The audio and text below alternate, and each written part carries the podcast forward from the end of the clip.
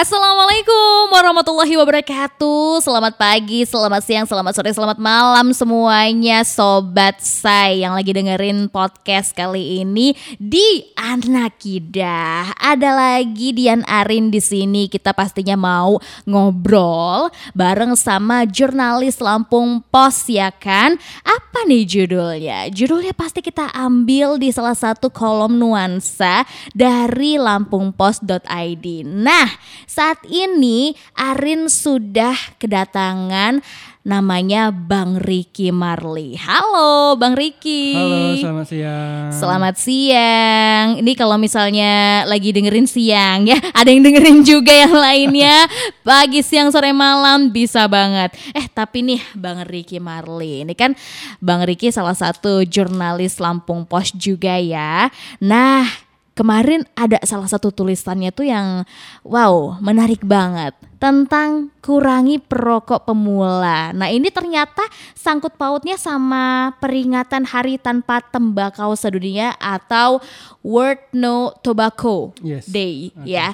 Nah ini kan berarti kan memang setiap tahun tuh selalu diperingati ya bang ya. Mm, mm, mm, benar sekali. Mm-mm, jadi ini hari tanpa tembakau sedunia yang diperingatin di tanggal 31 Mei 2021.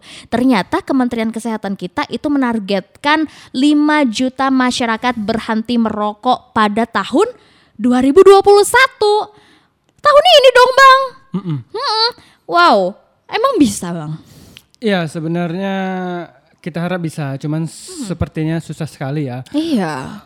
Eh, berhenti merokok. Mm-mm. Jadi ibaratkan kita makan, jadi kita disuruh berhenti makan.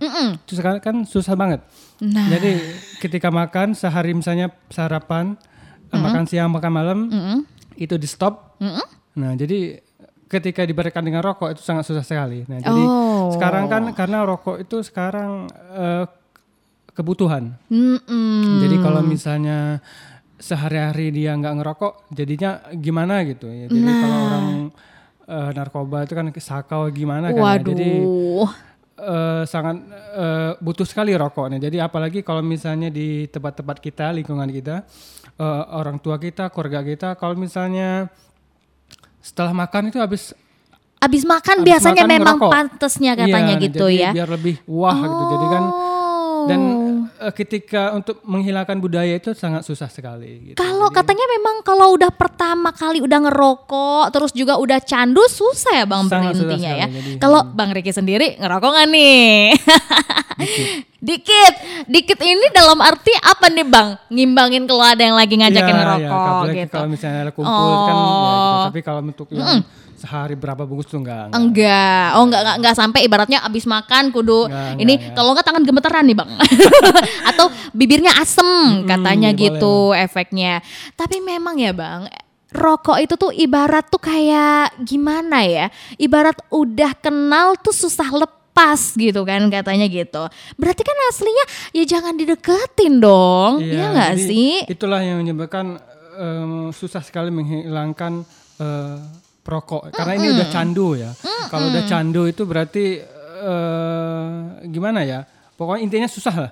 Nah, jadi jadi intinya emang kita bagus Kementerian Kesehatan mengharapkan 5 juta masyarakat itu berhenti merokok. Cuman sepertinya sangat susah sekali. Nah, Susah jadi, ya bang ya. Mm-mm. kalau menurut saya sih saran saya kurangi perokok pemula. Oh. Nah, makanya di nuansa saya itu eh, Kementerian Kesehatan lebih ke fokus peng- mengurangi perokok pemula. gitu. Jadi, ketika memberikan edukasi bahwa bah- adanya bahaya merokok di, di perokok pemula, nah kemungkinan ke depannya kedewasanya mere- mereka tidak akan berlanjut gitu. Jadi Ah, sangat eh, sangat eh, signifik- signifikan sekali kalau misalnya eh, perokok pemula itu dikurangi gitu. Hmm, karena kalau misalnya mau mengurangi orang yang memang udah perokoknya, Iya, betul sekali, ya. apalagi yang udah levelnya hebat banget, susah ya bang ya. Ya, jadi kalau misalnya keluarga kita misalnya bapak kita Nah. kan ya, di, di rumah satu rumah Bener. bisa nggak kita menegur bapak kita itu eh, berhenti merokok? Kejadian sama aku juga itu. iya, Pak, berhenti merokok. Kan gimana gitu susah ya. Jadi Iya, betul. istilahnya apalagi dia orang tua kita kan, terus yang membiayai hidup kita, dia cari duit sendiri. Nah, sepertinya eh, gimana gitu. Jadi, Aduh. susah. Emang susah sih bang, apalagi kalau Ya, misalnya kan kayak kita sebenarnya juga orang udah pada tahu dong efek daripada rokok gitu kan. Ada yang batuk-batuk tapi rokok jojong, bingung Iya. kan. Ada juga sekarang kan sampai bungkusnya sendiri tuh udah kayak nyantumin, wah penyakitnya nih, Iya, kagak sensor, Serem lah pokoknya kronis. Serem. tapi masih dibeli. Iya, jadi itulah susahnya walaupun sudah ada cara dan upaya sedemikian rupanya. Jadi tetap saja. Jadi walaupun itu ada gambar serem penyakit atau misalnya gambar tulang belulang manusia, itu sangat susah sekali. Nah ini sih sebenarnya, tapi kan tadi kan kata abang bilang kan kita kurangi dulu rokok eh, perokok pemulanya Ya, gitu. Nah dengan sosialisasi segala macam. Tapi bang masalahnya ini kan banyak juga promosi Iya. ya kan di mana orang-orang yang belum merokok jadinya juga tetap kenal rokok dong gitu kan iklan masih jalan terus yang jualan juga masih beredar ini Oke, gimana jangan, bang Jangan, jangan hanya di situ. Iya. Jangan kan iklan rokok.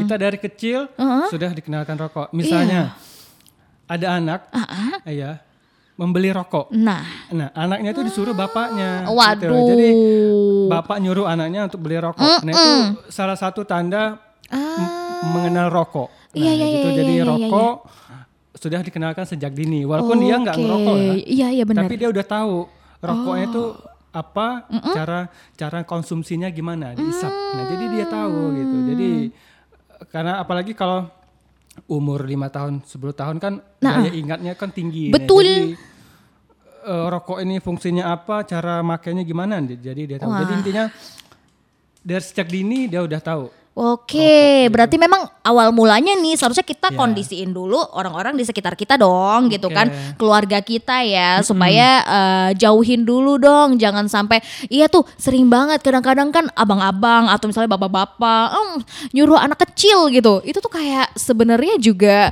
miris banget gitu, masa anak kecil sih disuruh beliin rokok gitu kan? Karena kalau misalnya iklan rokok itu sudah bilang time is money, jadi lebih ke uang iklan Nah. rokok. Nah, jadi mau nggak mau itu harus tetap berjalan karena itu ada Iya. pemasukan negara juga, Nah. bea cukai, eh, Aduh. cukai rokok segala macam. Nah, jadi hal yang hal yang tidak tidak bisa dihindari, tidak hanya di televisi, di jalan-jalan pinggir jalan juga ada. gitu. Dan Banget. juga misalnya di televisi menerapkan iklan rokok di atas jam 10 malam Ah, ah. aturannya. Betul. Cuma kan anak-anak kita Heeh. Bisa tidur di atas jam 10, jam 11. Nah, jadi dia tetap melihat iklan rokok gitu. Betul. Walaupun di iklan rokok itu tidak dihisap ya, tidak dihisap ya. Iklan rokok itu lebih ke prinsip-prinsip hidup segala macam. Benar. Nah, Ada yang keren banget lagi iklannya tuh kayak bener-bener Iya. kalau lu pakai produk yang ini lu kelihatan lebih bold ya Iya, kan? jadi- Uh-uh. Atau mau yang kelihatan lebih santuy ada, ada yang sukanya rame-rame gitu kan? Jadi kayak kadang kan oh ini juga ngaruhnya kepada lifestyle, kepada image gitu. Bahkan ada yang beda-beda harga, beda level juga. Nah, ada tuh yang pingin akhirnya ngerokok karena pingin dapetin image di situ, Iya, Bang. uh. Gimana menurut Abang? nah, jadi intinya ini lebih ke eh, perusahaan rokok. Mm-mm. Eh, ketika melihat seperti itu eh, gimana langkahnya? Ya, Itu kan salah satu cara di luar apa di balik layar. Betul. Nah, in- intinya itu pengenalan rokok, tapi tidak Waduh. dengan cara spesifik, ti- tidak secara langsung. Nah, Jadi eh, caranya ya mungkin seperti seperti itu, gitu. Dan pihak televisi juga mengiyakan mau, gitu kan. Jadi Waduh. karena ini pemasukannya besar, perusahaan rokok itu untungnya besar.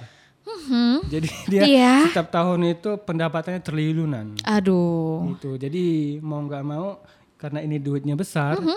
Ditangkap Cuma masalahnya gini bang, ini kan ngomongin masalah, eh, oke untungnya tuh besar ya buat negara dapat pemasukan besar. Satu sisi itu duit gitu pemasukan, tapi satu sisi ini rokok akan mengancam sumber daya manusianya. Ini kan juga potensi bangsa sebenarnya. iya jadi ini yang masih Ah, perlu dibicarakan nah, jadi in- intinya dilema. Iya, negara dapat cukai rokok. Betul. cukai rokok itu pajak yang diambil dari perusahaan rokok ke negara. Nah, jadi sementara rokok ini pengaruhnya besar sekali terutama dari dampak kesehatan merugikan kesehatan. Nah, nah ini perlu peran yang apa signifikan dari eh, beberapa kementerian seperti Kementerian Kesehatan eh, kemudian Kementerian perdagangan, eh, terutama di tembakaunya. Nah, jadi ini harus ada kon- konklusi yang kesimpulan yang baik untuk eh, negara dan juga untuk kesehatan masyarakat. Nah, jadi emang Iya, iya. sampai sekarang emang belum ketemu. Iya, hasilnya. ini kan sebenarnya bukan permasalahan yang baru juga sih ya bang ya, Iya, ini kayak dari dulu zaman seka- iya dari dan dulu sampai sekarang. kayak nggak mungkin aja gitu kalau misalnya pemerintah kita nggak pernah duduk bareng ngobrolin ini kan. Pasti Iya. kayak mereka pasti pernah ngobrol bareng dong dari Kementerian Kesehatan. Misalnya dia speak up kalau misalnya gimana dong sumber daya manusia kita bakal baik. Ibaratnya kan kalau pengaruh rokok bukan sama si perokok aktifnya doang. Bahkan si perokok pasif alias yang nggak sengaja tuh ngirup bau rokok.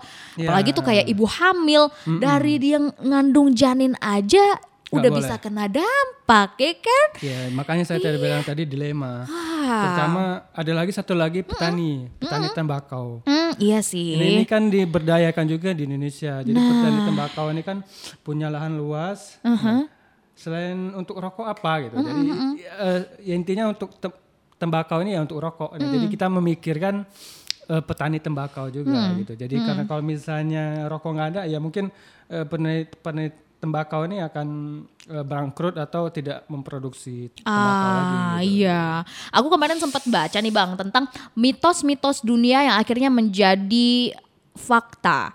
Nah salah satunya tentang rokok yang dulunya tuh katanya cuman mitos aja kok rokok itu tuh ngasih efek buruk. Bahkan kan waktu itu mungkin kayak perusahaan-perusahaan luar negeri lagi gencar-gencarnya ngepromosiin rokok kan. Kayak tenang aja rokok tuh bukan hal yang membahayakan ini oke segala macam. Sampai akhirnya ternyata sebuah fakta menunjukkan ada salah satu bintang iklan dari rokok tersebut justru meninggal karena pengaruh rokok. Dan dia bilang kan jangan pernah merokok yang dulu dia jadi artis rokok dia promotin untuk orang rokok rokok keren keren Iya. dan akhirnya dia meninggal bilang orang jangan ngerokok lo gitu kan itu kayak suatu hal yang ironis banget ya. Masa ya sih rakyat Indonesia harus digituin dulu gitu loh. Kayak di, di, di dibodoh-bodohin dulu terus baru kayak menyadari gitu loh. Iya, bahkan sekarang tuh bukan lagi dibodoh-bodohin kayak bukan dibodoh-bodohin dengan halus bener-bener dibodoh-bodohin itu udah kayak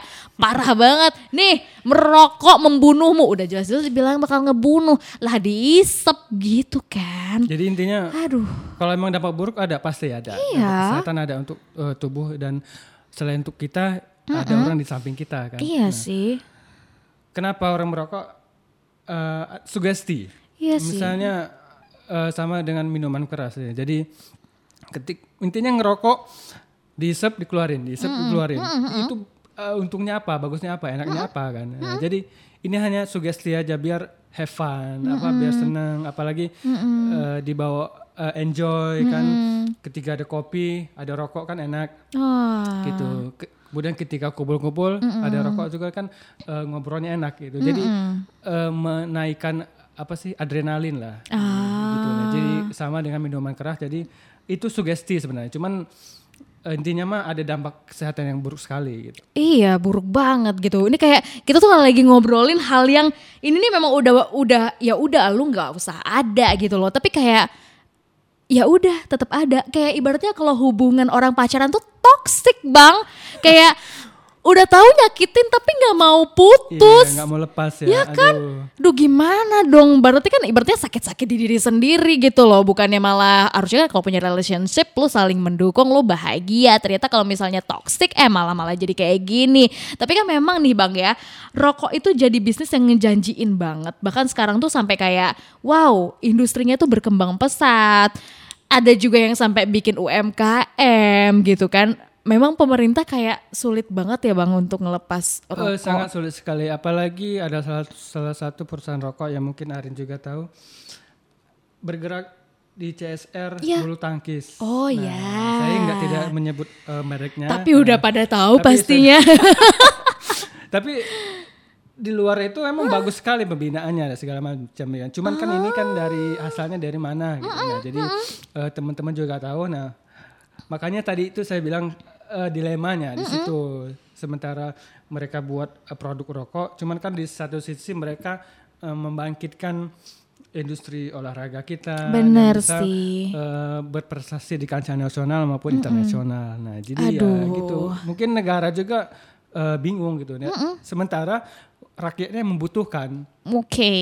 gitu. Jadi rakyatnya butuh rokok. Jadi ya susah. Aduh, susah ya. Bisa nggak sih bang misalnya gini nih. Em, Oke, kita tahu nih dampak rokok ini kan nggak baik nih. Tapi dia juga punya dampak baik karena dia punya CSR CSR yang oke. Ada yang dia bergeraknya di ekonomi, bangun UMKM. Ada yang dia geraknya di pendidikan, punya beasiswa Ya, gitu kan. Oke ada dia. Mm-mm. Tapi tuh kayak kita bisa gak sih cuman dapetin efek baiknya aja, jangan efek buruknya. Kadang-kadang masih ma- masyarakat kita gitu kan, kebanyakan malah mendingan gak makan deh daripada ini gak Iya, ngerokok. jadi rokok tuh nggak hanya dinikmati oleh orang kaya, ya, jadi dinikmati oleh orang miskin. Nah makanya bang itu Itulah bingung adanya. banget. Jadi eh, jangan ha- jangan orang miskin juga butuh rokok. Nah, Jadi setelah beras itu konsumsinya rokok. Jadi walaupun dia belinya ketengan, yang penting rokok dulu. Nah jadi eh, prevalensi. Jadi prevalensi itu apa? Peningkatan perokok itu setiap tahun tuh meningkat. Meningkat? Baik itu dewasa maupun anak-anak. Anak-anak, Ya ada perokok anak.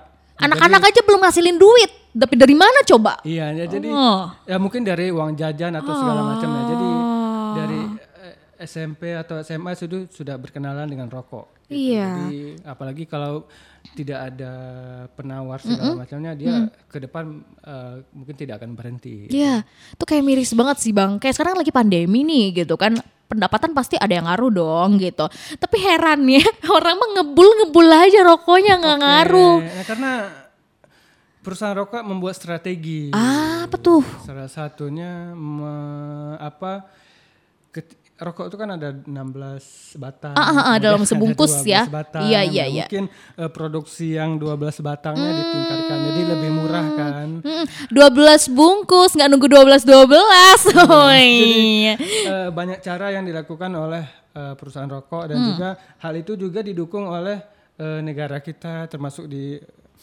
televisi Hmm, dan juga termasuk di masyarakat kita juga mengiyakan gitu mau gitu. Iya. jadi ya ini intinya klop gitu Iya Jadi sih. susah sekali Karena ya sebenarnya apa ya, kayak kita juga nggak bisa untuk memungkiri ya. Ada juga yang memang itu tadi kata abang bilang banyak juga tenaga kerja yang dia dihidupi dari rokok iya dan banyak sekali banyak banyak sekali dan bahkan banyak juga yang disejahterakan dalam arti ya bayarannya tuh kadangan juga di atas rata-rata yang mungkin kayak wow lu keterima di mana? Kayak seakan-akan bangganya sama Iya, kayak bangga banget. PNS wow lu keterima di perusahaan rokok ini kayak keren banget gitu. Bahkan anak-anak aja bukan anak-anak sih maksudnya kan kayak ah, mahasiswa gitu kan atau Iya. misalnya pelajar-pelajar aja ada yang udah kayak ah kalau gue nanti udah lulus kayak gue pingin deh kerjanya tuh di perusahaan rokok ini. Lumayan bayarannya gede. Jadi kayak memang kita tuh berhubungannya sama mindset deh bang ya sama sugesti di negara kita. Kalau ternyata memang ya perusahaan rokok itu memang katanya memang high level terus juga masalah produknya yang ngebuat orang juga nggak bisa berhenti. Waduh ini dilema banget ya. Iya, apalagi sekarang sudah ada rokok elektrik. Dan itu sangat mudah sekali didapat, termasuk online. nah itu gimana bang Jadi, menurut abang tuh?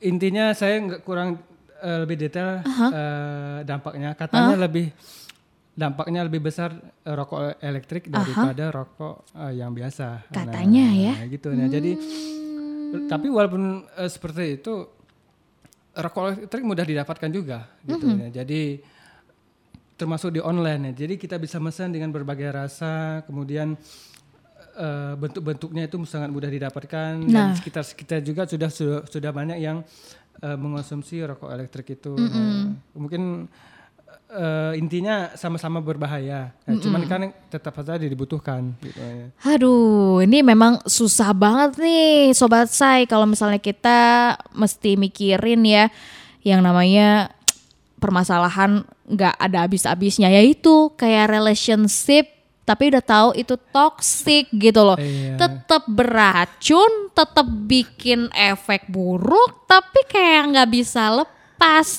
Cuman memang pelan-pelan ya harus bisa lepas dong ya, Bang. Tapi bisa nggak sih bang kira-kira kalau tadi kan kita ngobrolin kurangin tuh perokok pemula awal mulanya kita kayaknya mestinya mulai dari sana dulu. Iya. Kira-kira menurut abang ke depannya tuh bisa nggak sih dilakuin? Mustahil nggak sih? S- Sepertinya emang mustahil. Cuman Ah. kalau misalnya kita juga patut apresiasi dari Kementerian Kesehatan mengurangi 5 juta perokok. Hmm. Eh, 5 juta perokok itu sangat kecil sekali penduduknya. Kota Bandar Lampung saja jumlah penduduknya satu juta sekian. Eh, ketika diakumulasi ke 5 juta itu paling eh, beberapa kabupaten kota saja. gitu. Jadi kalau misalnya dilingkupin ke Indonesia itu sangat kecil sekali. ya. Jadi tapi walaupun seperti itu kita apresiasi dari Kementerian Kesehatan.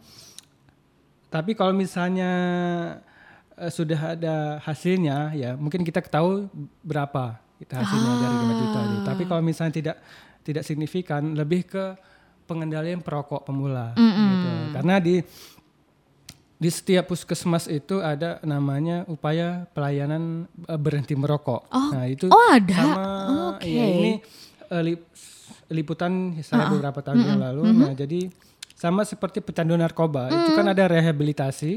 Nah, jadi ini sebenarnya sama saja. Jadi di sini ada upaya berhenti merokok, itu namanya juga upaya, ada langkah-langkah misalnya bimbingan konseling, misalnya ini loh bahaya merokok, kemudian eh, dampaknya merokok itu seperti apa? Selain dari segi kesehatan dari eh, keuangan juga sangat boros sekali. Nah, itu. betul. Jadi selain itu ada nah, yang namanya eh, apa treatment, misalnya dia pakai ah, nama namanya smoke al- analyzer, jadi smoke analyzer. Oh, oke. Jadi kayak dimasukin di mulutnya itu. Nah, jadi untuk memeriksa karbon monoksida. Karbon Oke. monoksida itu s- apa ya? eh, gas yang berbahaya bagi kesehatan. Salah satunya dari pembakaran rokok, asap itulah. Karena kan asap itu masuk ke dalam tubuh, ke paru-paru. Pasti Nah, nggak akan ngefek ya? eh, ya, Jadi bisa ketahuan kadarnya itu berapa gitu. Nah, jadi- Biasanya kalau udah ketahuan tuh dampak seremnya di tubuh baru takut. Iya, jadi baru Oh, takut. Jadi oh iya, jadi ada kadarnya ada ada hijau, ada merah. Nah, jadi kalau misalnya sudah merah, nah itu sangat berbahaya sekali. Mm. Nah, jadi makanya diedukasi seperti itu. Nah, Wah, boleh tuh, boleh tuh, boleh tuh untuk biar orang-orang juga pada sadar dong. Lu jangan cuma isep-isep doang terus nggak tahu Iya, kan kondisi dalam tubuh gimana. Asapnya tuh ke sini, Ah, ke sini ke paru-paru, ke jantung gitu. Iya. Karena kan di salah satu gambar rokok itu kan gambar bener. rokok itu ada eh, Sampai jantungnya tuh warna menghitam. hitam. Nah, itulah Iya. contohnya gitu. Ah. Jadi, tapi ya eh, produksi rokok jalan terus. gitu. Jadi ya gitu. Hmm, em, susah ya. Tapi nih Bang, menurut Abang, eh, kalau dulu Abang memang dasarnya eh, perokok yang memang biasa aja, bukan nggak pernah yang sampai parah banget. Hmm. Ya jadi ini intinya Oke. ngomongin saya juga. Jadi Oh tapi- ya. Soalnya kita perlu dong, kita perlu nanya sama yang memang beneran pernah merokok kan. Mm-mm.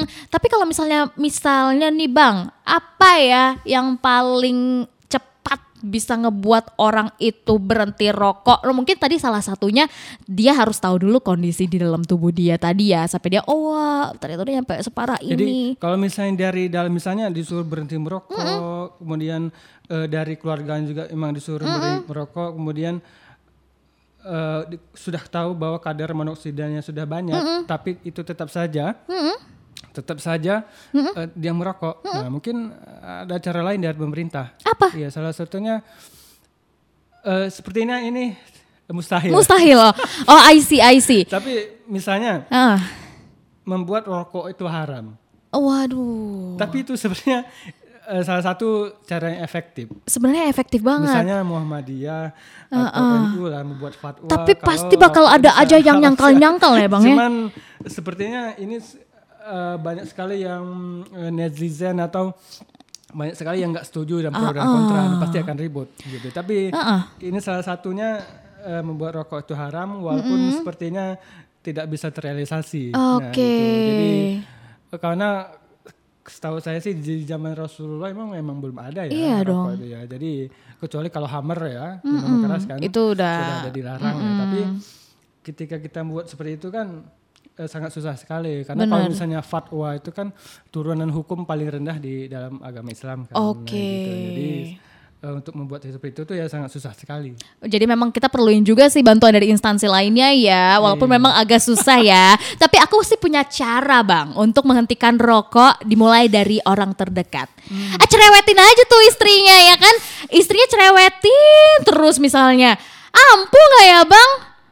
Iya. Kalau istrinya kayak aku, cerewet mulu. Kalau istrinya lagi di luar, suaminya lagi kerja, suaminya di luar juga. Waduh. Gitu. Cuman cuman seperti itu bisa pusing. ketahuan. Nah, iya. Dari ha- hawa aura itu kan Bau, asap rokok itu kayak parfum. Heeh, Jadi nempel. ketika di nempel. Ke- Oh, aduh. Ketika emang karena di jalan, eh, di jalan eh, hilang, itu bisa di jam. Oh. Ya, jadi pokoknya di ujung-ujung tangan. Iya, iya, Jadi, benar. eh, bisa ketahuan. Bener-bener deh. Ini sih kalau Arin sih pesenin buat eh, yang punya suami mungkin ngerokok-rokok, kamu harus lebih posesif, say. Jangan cuman posesif sama, jangan cuman eh, takut sama perempuan-perempuan lain yang mungkin akan menjadi pelakor dalam hubungan kamu. Kamu juga harus lebih posesif sama yang namanya rokok yang bisa menjadi istri kedua dalam hubungan kamu, ya kan? Aduh, pusing banget deh. Tapi thank you banget ya Bang Ricky Marlia Oke, udah siap. Ngomongin kasih, Arin. tentang ini, udah nemenin aku ngobrolin tentang perokok yang ini uh, kesel. Tapi nih sobat saya, sobat podcast, kamu tentunya juga bisa dengerin untuk obrolan-obrolan lainnya yang mungkin juga relate ya, keselnya sama kayak aku atau ya tema-tema lainnya yang menarik lainnya kita tongkrongin terus ya. Karena ini juga ada di kolom nuansa lampungpost.id jangan lupa dong baca juga di situ. Kalau gitu terima kasih Bang Ricky Marli. Oke, sama-sama. sampai jumpa juga untuk kamu sobat podcast. Bye